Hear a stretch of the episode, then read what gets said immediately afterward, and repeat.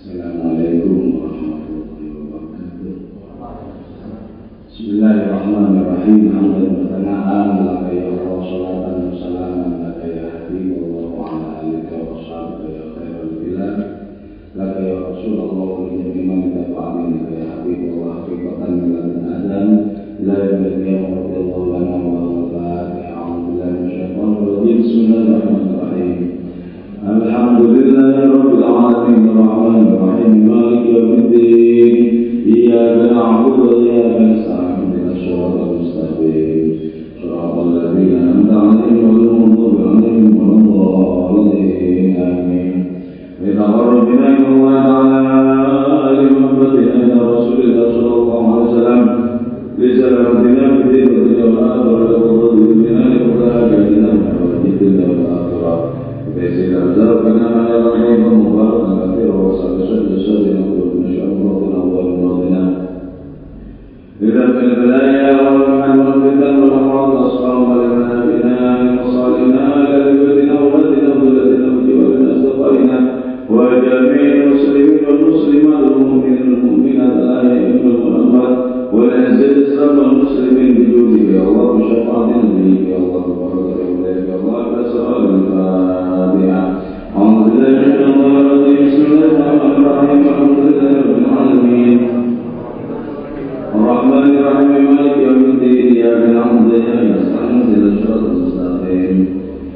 الذين أنعمت عليهم غير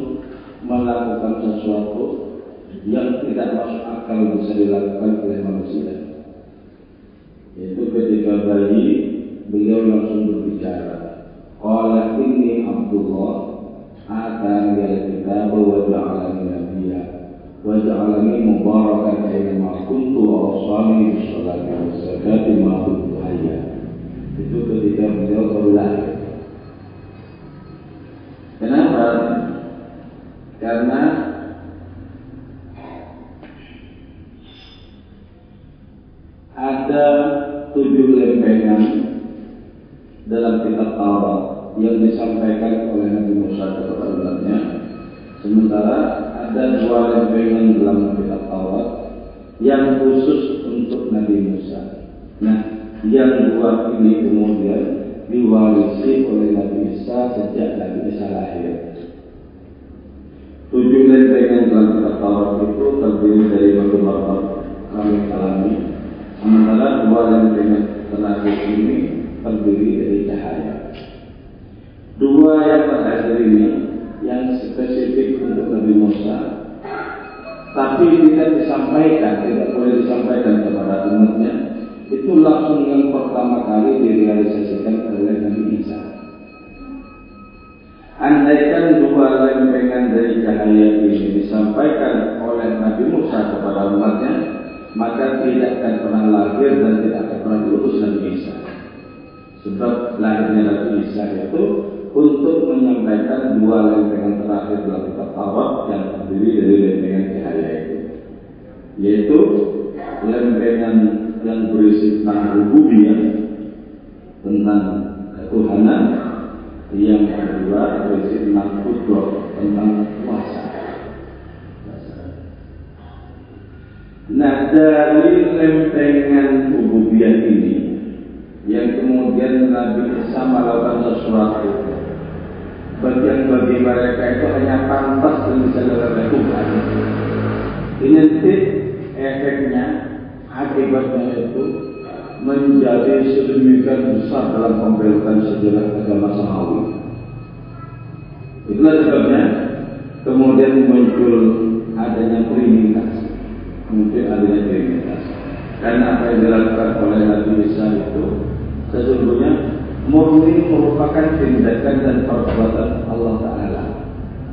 Sehingga antara subjek yang tak lain adalah Nabi Isa dengan Allah Ta'ala itu sendiri menjadi tidak ada jarak sedikit pun laisa baini wa bainaka bainun antara engkau dan aku tidak ada antara maka tindakan Nabi Isa menciptakan burung dari lempung menyembuhkan penyakit kusta menghidupkan orang mati itu murni murni merupakan tindakan Allah Ta'ala dengan menggunakan Nabi Isa sebagai sarana.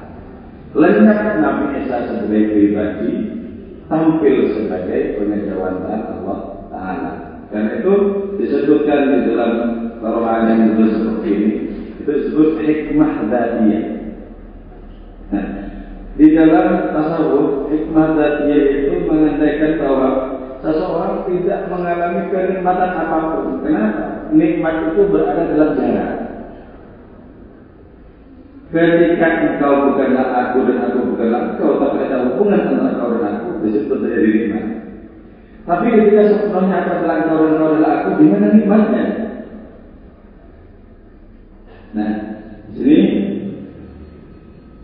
disebutkan sebelum kita masuk kepada berikutnya. Ya wahsiyatun nabi rusul kesepian yang paling ngelamun kesendirian yang paling ngelamun tidak ada nuansa aroma kehebatan cinta di situ. Tidak berarti ketika seperti itu orang sampai kepada titik nadir ketiadaannya dan yang bertahta itu tak lain adalah Allah Subhanahu wa taala. Sudah ada, tidak ada cara sama sekali. Ketika tidak ada jalan sama sekali seperti itu, maka kesadaran itu menjadi tunggal, yaitu kesadaran diri lagi. Makanya Nabi Isa disebut dengan ruhullah. Tapi bagaimana posisi yang seperti ini sebenarnya? Apakah ini merupakan tingkatan atau posisi tertinggi? Tidak. Jadi, keakuan dalam spiritualitas itu berada di bawah keengkauan dalam spiritualitas.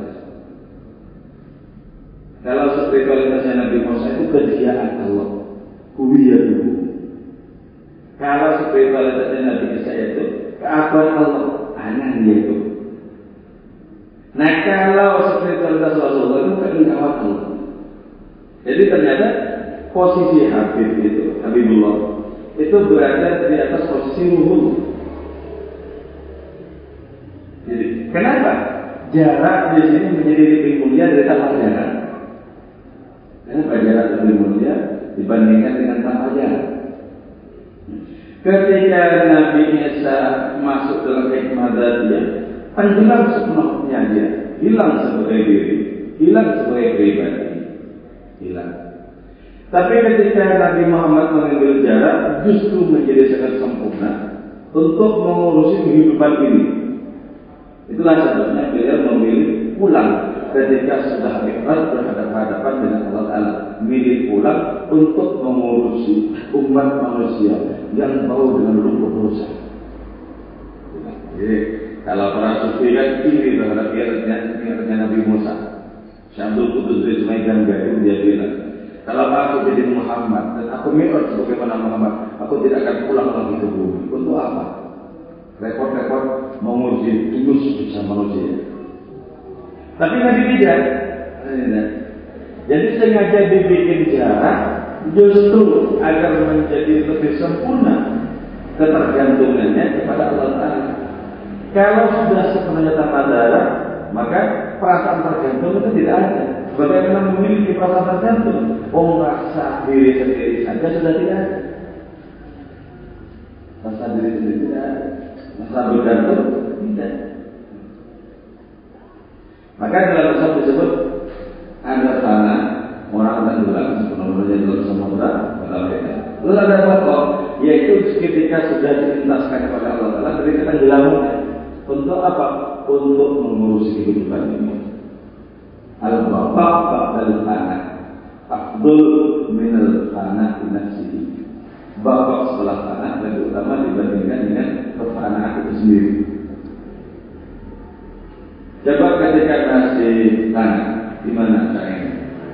Qad a'jazat kulla alla min bimilladina wa zawdiyan wa ibran thumma bisisa Qad a'jazat sungguh telah melemahkan kehikmatan dia Kula alamin kepada setiap orang yang sangat alim.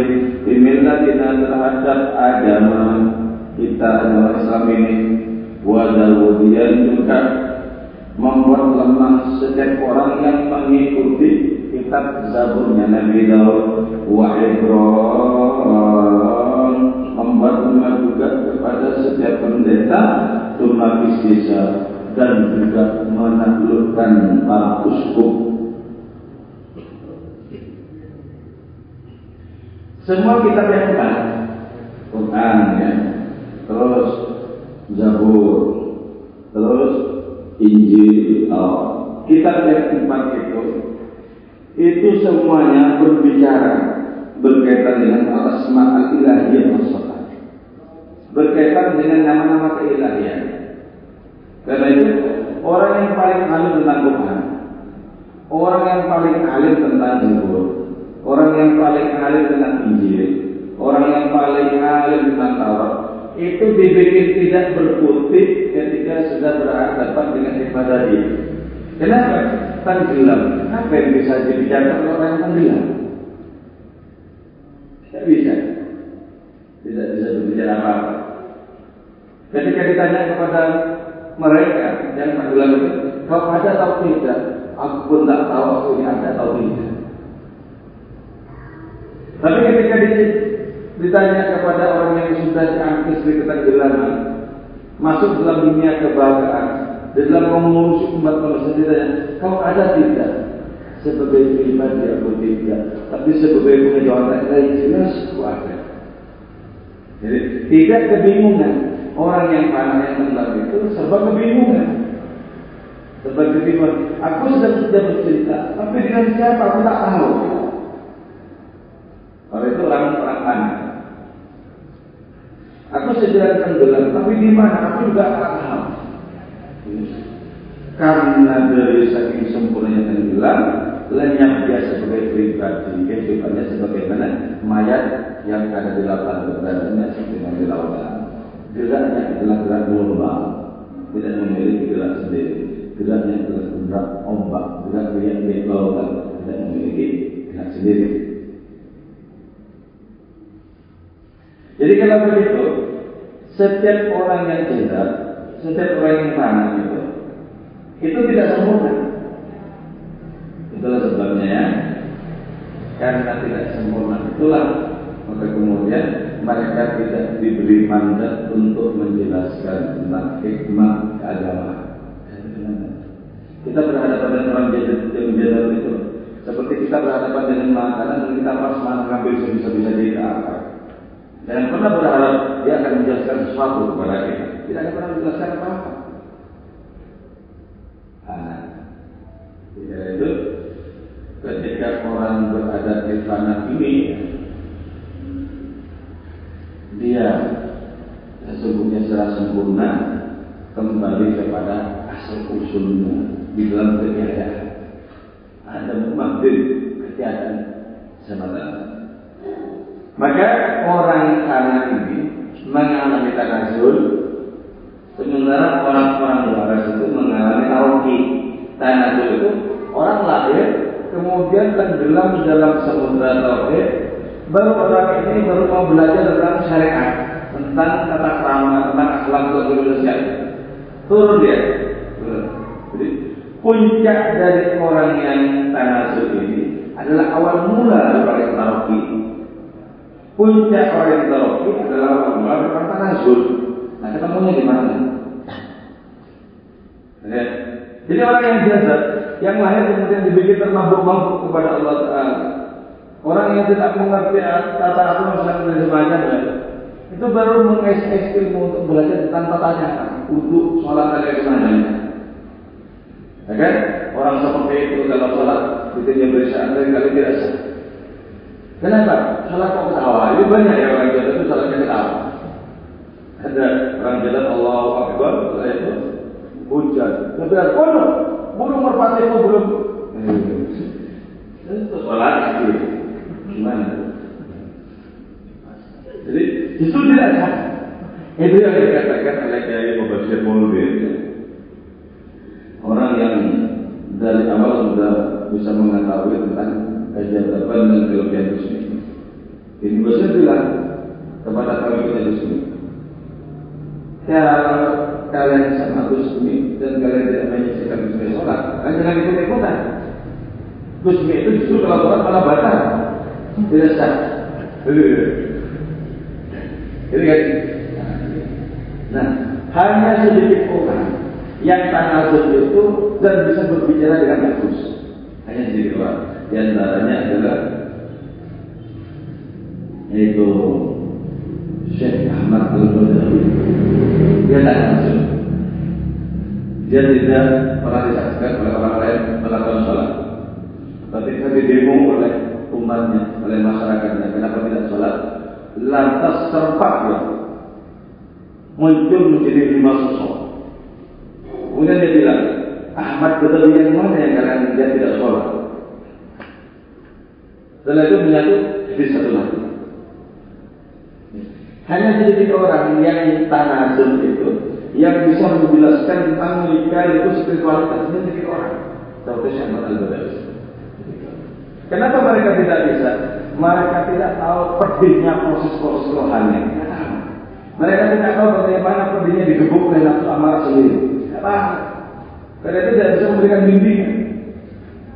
Dan sebenarnya yang tahu ini, yang belajar puasa Daud, belajar puasa Senin Kamis, belajar bangun malam tahajud, belajar mengendalikan nafsu, itu tahu baiknya aplikasi itu perjalanan rohani dan ngerti. Karena itu dengan fasih memberi sambil-sambil ini mudah awal di sini ada lingkungan, awal di sini ada bahaya, awal di sini ini cara menanggulangi dan semacamnya. Ada.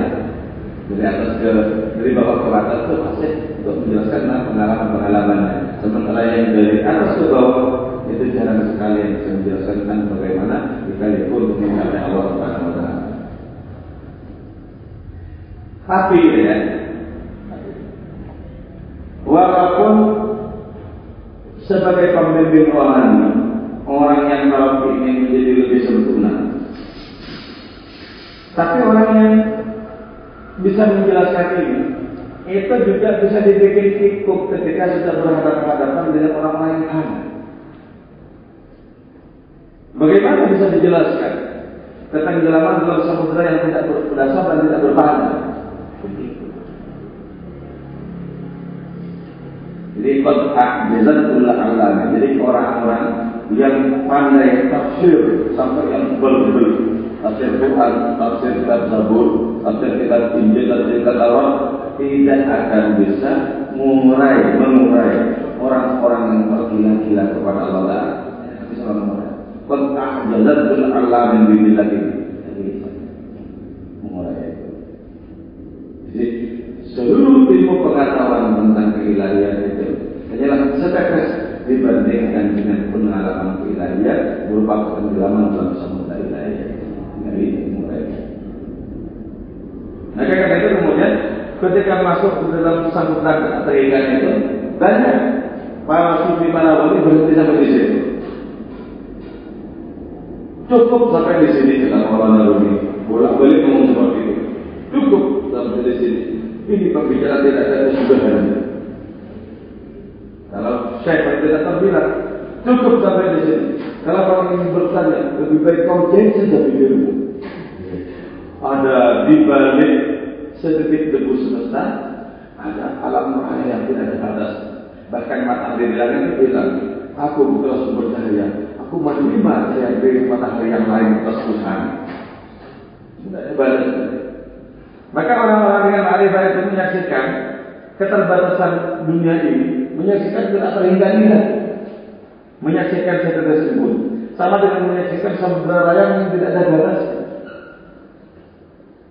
Dari situ kemudian kita bisa mengatakan bahwa segala yang ada adalah jendela untuk memasuki kita ketertinggalan.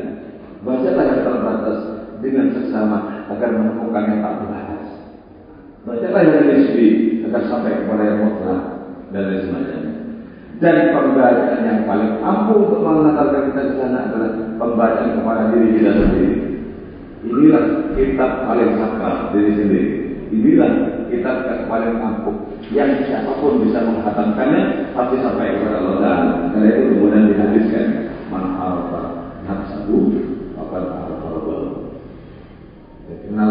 sendiri. Kenapa sampai dihadirkan seperti itu? Karena diri kita masing-masing itu adalah bayang-bayang dari performa keilahnya asli bayang-bayang dari performa keilahnya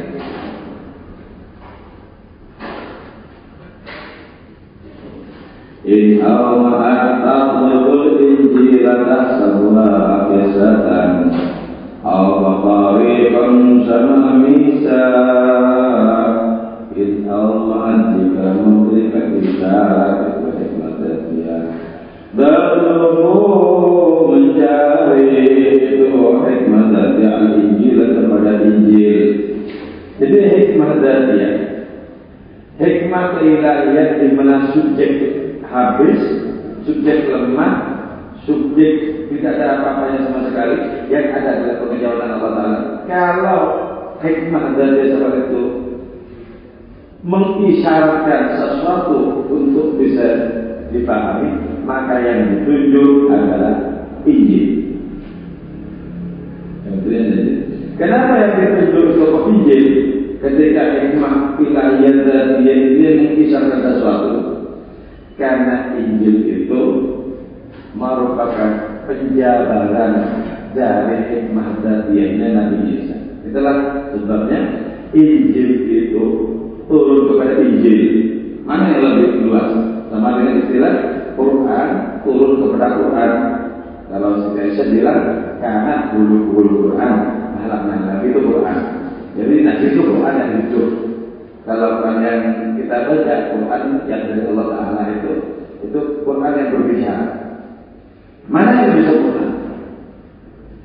Quran yang menerima atau Quran yang diturunkan? Yang lebih sempurna Quran yang menerima. Sebab wadah itu lebih luas dibandingkan dengan Quran yang ditampung. Wadahnya segini, maka yang ditampung tidak sampai segini. Kalau karunia yang ditampung melebihi luas pasti Nabi jaga. Buktinya Nabi tidak jaga waras. Jadi para wali yang jadat-jadat itu memiliki wadah rohani yang sempit, kecil, kemudian diguyur oleh hujan ilahiyah karena penuh oleh mabuk si wali. Wali mabuk muncul ungkapannya Syekh Islami Maha suci aku sembah aku Subhani Subhani Fa'buduni Subhani Fa'buduni Sembah aku adalah zat yang maha benar Wadahnya begitu rikik sempit diguyur oleh hujan ilahiyah lindung. Nah ini yang membuat yang membuat Maulana Rumi itu selama 40 hari kepalanya serasa dibuang. Ketika Maulana Rumi bilang sebagai orang yang memiliki pondok pesantren, yang memiliki santri banyak, sedang berada di atas kuda. Alihkan kita dipegang oleh satu juta BC sebentar sebentar. Kau punya waktu berapa menit ngomong sama aku? Dipegang sama satu juta BC. Kau perlu apa? Ini penting. Kau punya waktu berapa menit? Sebentar saja, oke. Saya cuma mengajukan satu pertanyaan. Mana yang lebih mulia? Nabi Muhammad atau Nabi Islam? Baru saja tersentak Maulana Rumi. Mau bilang lebih mulia Nabi Muhammad, Nabi Muhammad tidak pernah bilang subhan. Maksudnya. Subhanallah pernah bilang begitu. Nabi Muhammad cuma berdoa, Rabbi sendiri, Allah tambahkan ilmu kepada aku. Tapi mau bilang Abu Yazid Bustami lebih muda dibanding Nabi Muhammad, Abu Yazid adalah salah satu umat Nabi Muhammad. Kepala Abu seperti itu. Dan tidak bisa menyelesaikan pertanyaan seperti itu. Kemudian kita eksekusi. Kau harus bertanggung jawab. Ya. Kau yang sudah bikin kepala pening dengan pertanyaan. Lalu ditarik satu tradisi dibawa ke dalam satu rumah selama 40 hari tidak keluar dan membahas pertanyaan seperti itu. Akhirnya muncul jawaban Tuhan Allah Taala bahwa di hadapan Muhammad yang samudra Abu Jahal adalah takdir yang sangat kecil. Samudra walaupun diberi minum tiap hari dikirim minum tiap hari tidak penuh-penuh. Sementara kaki yang kecil dengan begitu cepat penuh ketika sudah diguyur oleh hujan wilayah. Habis itu terima jawaban. In awma'at jika mereka Syarat hikmahatnya Tak perlu makan Dari al-injil. kepada injil Tahsabuha wisata memandang atau menilai kalau kepada itu hikmat ilahi itu hikmat itu abisatan kepada para patri Nasrani. Artinya apa?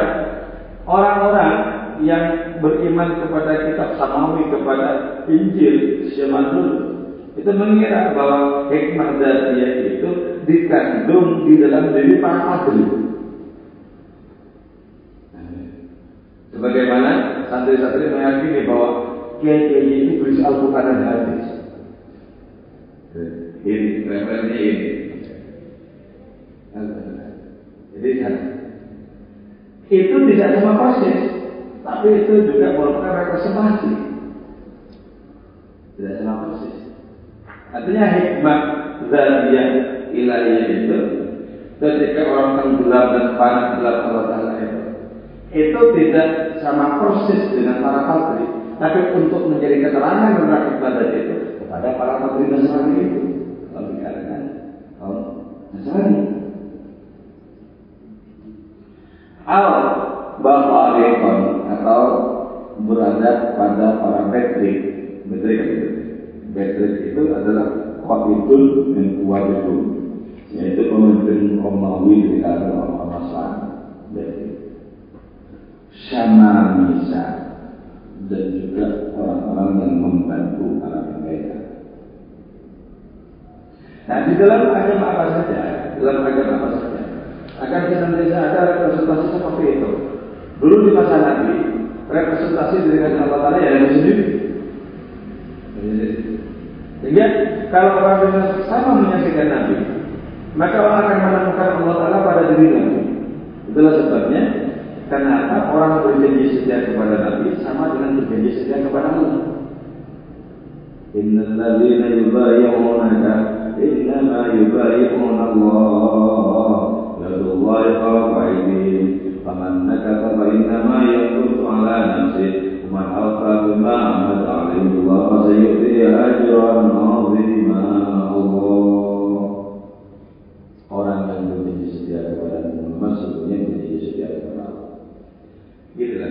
Pada Bayatul Ridwan, tangan Nabi itu meletakkan ke atas tangannya orang-orang atau sore. Mereka punya setia. Tangan-tangan tangan adalah di atas tangan Nabi. Ketika Nabi meletakkan tangannya atas tangan mereka, Allah Taala berfirman, Ya Allah Bapak ini, saya Allah di tangan mereka. Tangannya Nabi diaku oleh Allah sebagai tangan Allah.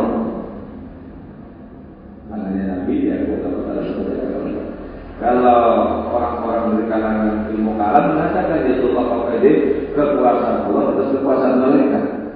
Terlalu jauh kerajaan seperti itu. Tidak sesuai dengan apa yang disebut nuzul. Jadi tangan Allah, maksudnya tangan Nabi diambil sebagai tangan Allah oleh Allah sendiri. Rasul itu menjadi Rasul ketika sudah tidak memiliki identitas apa pun dari dirinya sendiri. Ketika sudah sepenuh-penuhnya adalah kehendak Tuhannya, maka layak Rasul sebagai Rasul. Kalau Rasul masih memiliki kehendak yang tidak sama dengan kehendak Tuhannya, maka dia juga sebagai Rasul.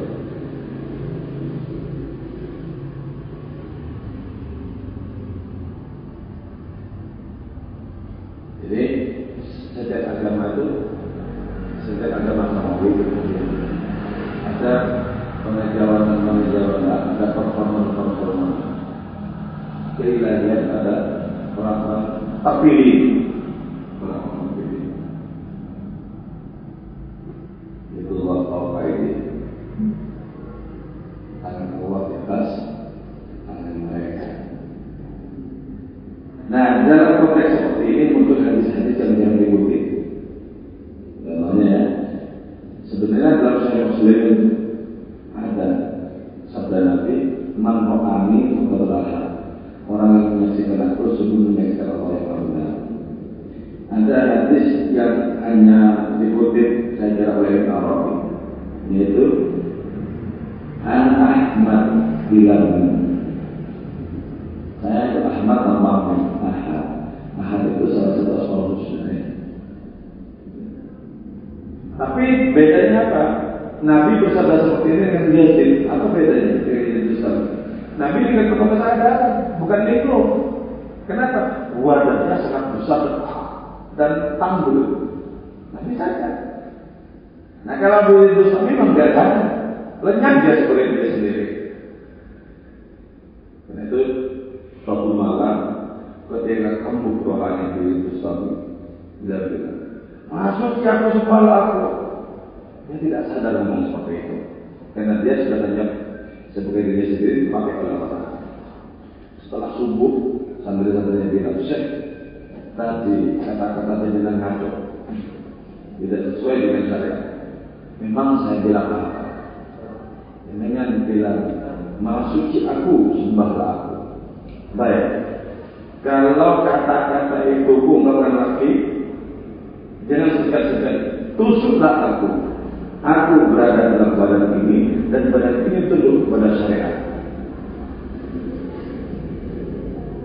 Perjanjian seperti itu dengan satu-satu.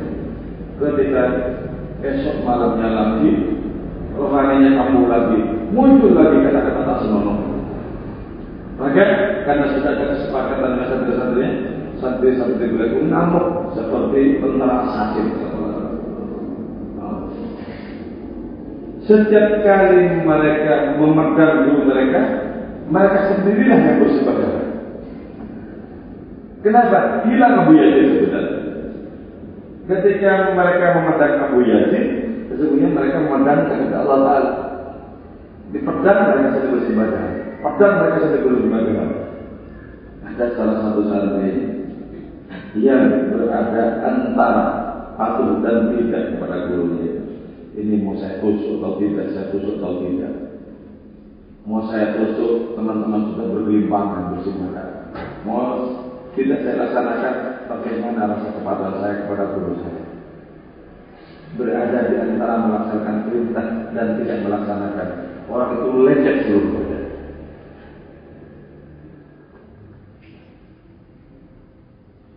Tapi kalau Nabi kita mengatakan anak Ahmad bila min wa anak Arab bila lain, itu dengan penuh kesadaran dan kesadaran.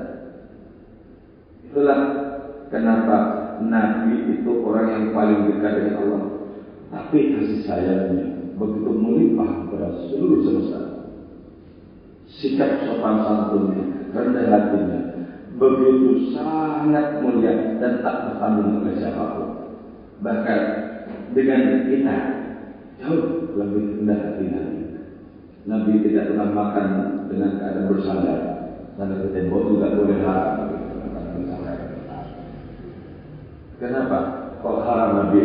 Itu tradisi Nabi Raja dan aku adalah hamba para raja. Padahal kita biasa makan bersandar. Nabi haram bangkit duluan ketika sedang berbicara dan duduk bersama-sama dengan bagian masjid. Tidak boleh Nabi akan dulu. Sebentar saya ada perlu boleh. Terus selesai apa semua keperluan mereka. Kita pasangan rendah hati. Yang itu tidak akan pernah bisa dilakukan oleh pemimpin-pemimpin kita hari ini. Termasuk oleh para kiai yang akan pernah bisa. Nah, saya katakan sebentar saja dua, sebentar.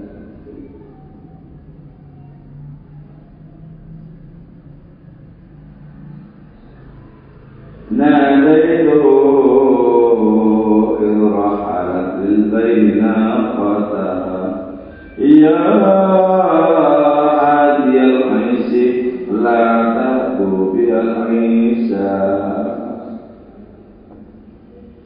Ketika hikmah ilahiyah zatiyah itu mau pergi dari hati Begitu ya, hati Maka ku panggil Oi, oi wai penggembala unta Jangan kau bawa serta unta itu. Artinya ketika jarak itu mau diambil, ketika sudah mau meninggalkan kemah suci bersama hati, maka orang sudah memiliki orang sudah merasakan adanya nikmat ilahiyah dari itu tidak mau rasanya. Tidak mau. Biarpun untuk ukuran kebahagiaan kesenangan terutama bisa saja berjalan itu lebih senang dibanding menyatu tadi dikatakan bahwa ketika engkau adalah engkau atau adalah aku tapi antara kita ada hubungan yang yang baik maka kita berbahagia tapi ketika sebenarnya aku adalah engkau engkau adalah aku sehingga tidak ada lagi sebutan aku dan engkau maka itu adalah keberhasilan karena itu coba ya kita menggunakan pintu masuk puisinya seperti itu dan umum dukamu yang besar dukamu apa Apa yang disebut dengan duka ilahi? Duka apa? Betulkah sesungguhnya Allah merasakan kebersamaan dengan kita dengan makhluk-makhluk ciptaannya? Atau Allah tetap merasakan sendiri? Dengan adanya kesadaran bahwa toh kalian juga ada itu persis sesuai dengan kehendak. Bukankah engkau adalah aku? Jadi kalau di dalam Husnul ikamnya Arabi. Kita ini adalah makhluk, kita ini adalah perbuatan-perbuatan Allah dan akalnya Allah tidak terpisahkan dari dari Allah. Bagaimana mungkin kalau kita ini akalnya Allah Taala perbuatan Allah Taala, kok kita merasa berjalan dengan Allah Taala itu sendiri? Di mana sesungguhnya konsep? Sesuatu yang sesungguhnya lengket, sesungguhnya menyatu, kenapa kok merasakan jauh? Itu saya konsep. Bukankah kita ini adalah akalnya Allah Ta'ala? Andai kan tak akan akalnya Allah, maka kita tidak akan pernah ada. Sedangkan akal dengan zat itu tidak pernah terpisahkan. Itu terpisah hanya dalam penjelasan dan keterangan. Kenyataan tidak pernah terpisah. Bagaimana mungkin? Mungkin. Ya, termasuk kemahaan Allah itu seperti itu. Kemahaan Allah itu seperti itu. Kita akan hijab kalau sesuatu yang sesungguhnya tidak ada. Betulkah hijab itu ada? Kalau hijab ada, berarti hijab itu lebih luas dibandingkan dengan Allah. Ya, Allah. Kalau ada hijab itu hijabnya kan lebih luas. Sehingga kan ada hijab, maka Allah tidak kelihatan. Kalau memang hijab tidak ada, kenapa kok tidak menyaksikan Allah terus menerus? Di mana? Itu dulu saking maha kuasa Allah Taala. Sesuatu yang tidak ada sekalipun bisa menjadi hijab. Bisa menjadi sesuatu yang tidak sesuatu yang tidak ada pada Ya. Kita itu senantiasa berdempetan dengan kemahaan Allah Taala. Tapi akhirnya belum tentu kita merasakan berdempetan dengan kemahaan Allah Taala.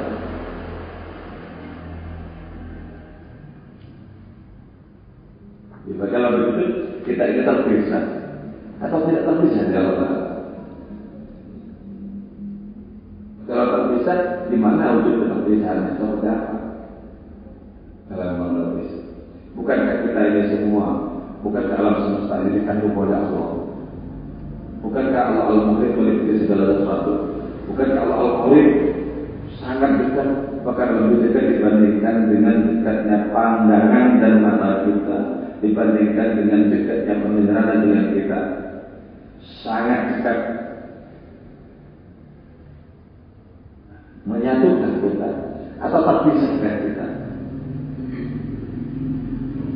para ulama mencoba untuk melakukan tanzih mensucikan Allah Taala bahwa makhluk tetap makhluk Allah Allah Taala tak akan pernah makhluk menjadi Allah sebagaimana Allah tak akan pernah menjadi makhluk mereka melakukan tanzih pada saat bersama mereka lupa bahwa sebenarnya Allah pun menggunakan tasbih.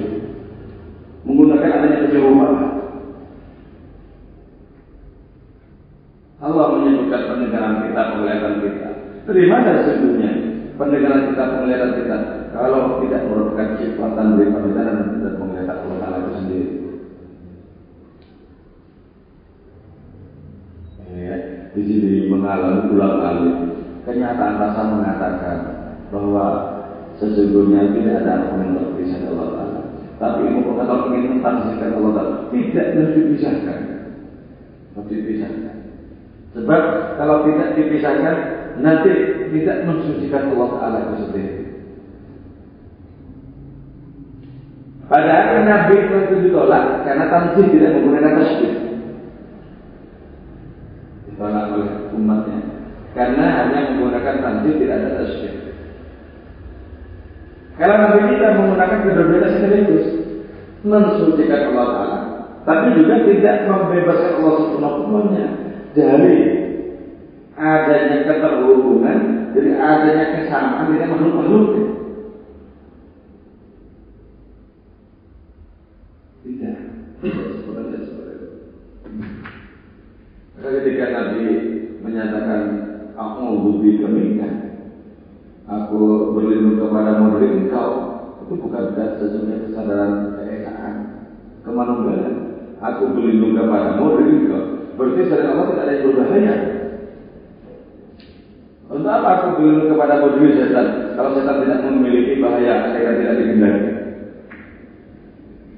Tapi kenapa kita juga diajari membaca qara'ta al-Qur'ana fasta'in billahi minasyaitonir rajim. Kenapa kok diceritakan A'udzu billahi minasyaitonir rajim?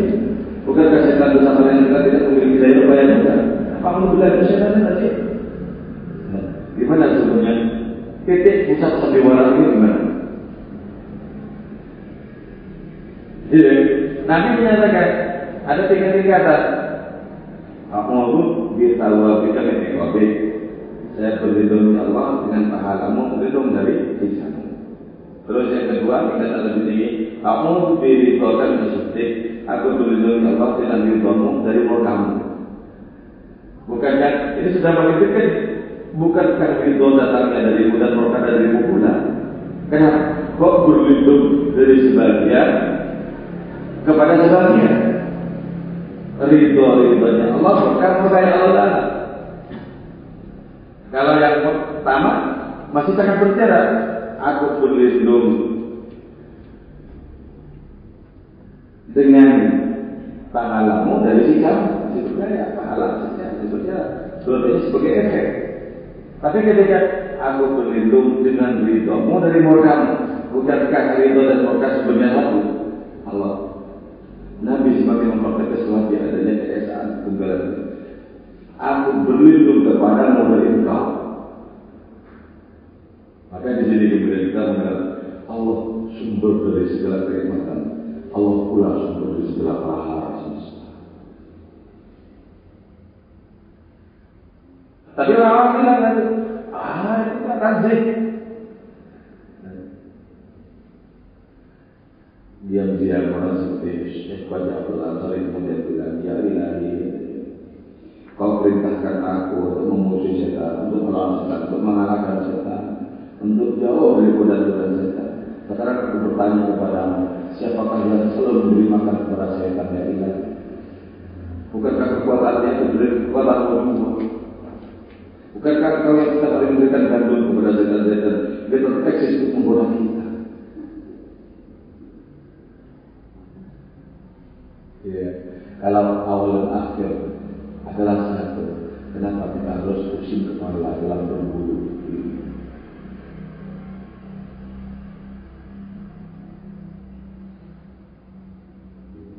Ya, ini ya. Kita merasakan kenikmatan dalam hati, nikmat keilahian.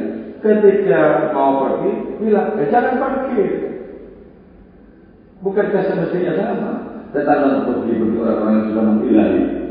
Setelah satu bulan datang, setelah satu bulan pergi. Orang yang nangis karena kehilangan sesuatu, berarti orang ini tidak mengerti sama sekali sandiwara ilahi. Orang yang melonjak-lonjak karena mendapatkan sesuatu, sama tidak mengerti juga. Ternyata narkoba itu sama saja. Untuk apa kau tangisi? Satu kerja ini itu punya anak 27 ya. 27 dengan istri empat. Sekali menikah langsung empat tidak satu, berdua, bertiga, enggak langsung empat. Jadi langsung memenuhi kuota. punya anak 27 yang hidup sampai besar itu cuma 13 selebihnya mati sekali setiap kali istri itu bila melahirkan bila bilang apa? Kau sudah mati. Katanya istri bilang kau sudah mati. Kenapa kau bilang seperti itu? Agar suatu saat kalau mati beneran tidak merasa kehilangan. Kau sudah mati. Sama dengan orang mendapatkan karunia. Kau habis agar kalau beneran tidak ada penyesalan tidak ada rasa sakit hati di jiwanya kalau bilang tidak tidak masalah sudah dibilang sejak kali datang kau habis Jadi kan bagaimana? Mempererat hubungan antara awal dan akhir. Mempererat hubungan antara dimensi yang satu dengan dimensi yang lain. Mempererat. Agar beberapa hal yang tidak sama itu tidak dipandang bertentangan. Nanti akan merasakan sama. Allah al-Muntaqim adalah Allah al-Munqim. Allah yang memberikan nikmat dan Allah yang memberikan siksa. Dari mana datangnya kontroversi? Dari mana datangnya pertentangan-pertentangan? Dari mana? Dari nama-nama Allah Ta'ala yang berlawanan. Coba, nama-nama Allah Ta'ala kan banyak yang berseberangan. Satunya misalnya Pengampun, satunya menuntut satunya Maha Damai ya salam, satunya lagi Al-Qahar yang memaksa. Satunya lagi Al-Latif yang lembut, satunya lagi perkasa. Nah, sementara nama-nama ini memiliki objek-objek yang dikelola. Objek yang dikelola. Dan itu kalau orang diridhoi oleh nama Allah Taala maka orang ini berarti mengikuti Allah Taala. Tapi yang diridhoi oleh apakah dia diridhoi oleh al-mobil yang menyesatkannya? Tidak tidak. Mana yang diridhoi oleh al-mobil? Iblis atau beriman? Coba, mana? Yang diridhoi dengan al-mobil itu iblis atau beriman? Yang diridhoi oleh namanya. Nah, tentu saja yang lebih cocok itu adalah Iblis yang kita al-mudin. Kenapa? Korelasinya kuat. Korelasinya kuat. Sementara korelasi antara beriman dengan nama Allah Taala al-Hadi sangat kuat juga. Kemudian kita kegaduhan semesta. Inilah drama paling kolosal di mana Allah telah berkata balik segala sesuatu. Pandanglah dengan cermat, maka kita akan menemukan asal usul segala di sana. Innal amro kullahu minhu wa ilayah.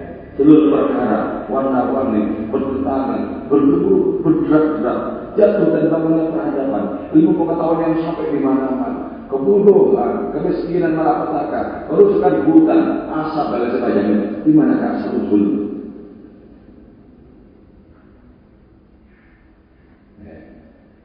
Betapa dengan gereja, betapa diperlukan juga? Kearifan, betapa diperlukan sikap berbalik.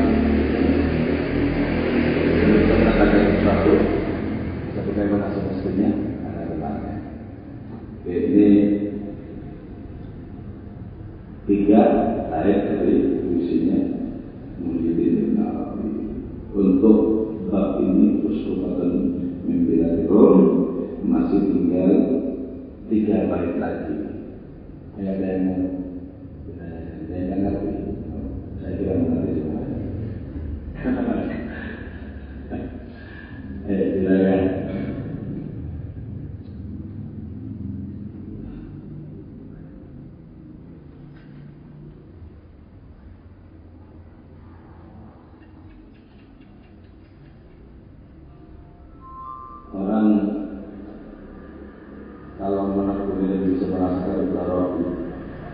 jalan kepada Allah itu seperti ditekuk itu prosesnya jadi panjang tidak ke arah ini jadi sini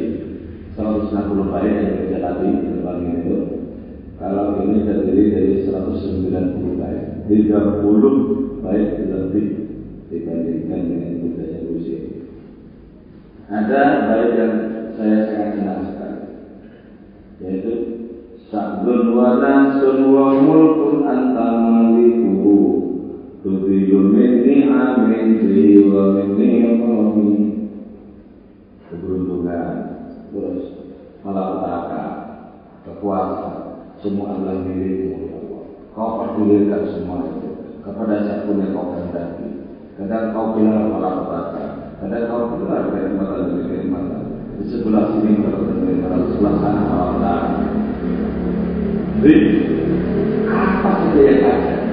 Berkaitan dengan keberuntungan, dengan nafas, dengan malapetaka, berkaitan dengan kekuasaan. Yang sekarang diputus oleh raja-raja presiden dan para penguasa itu, sesungguhnya kita ada di dalam dengan Allah. Maka keanekaragaman dan pertentangan itu bisa menyatu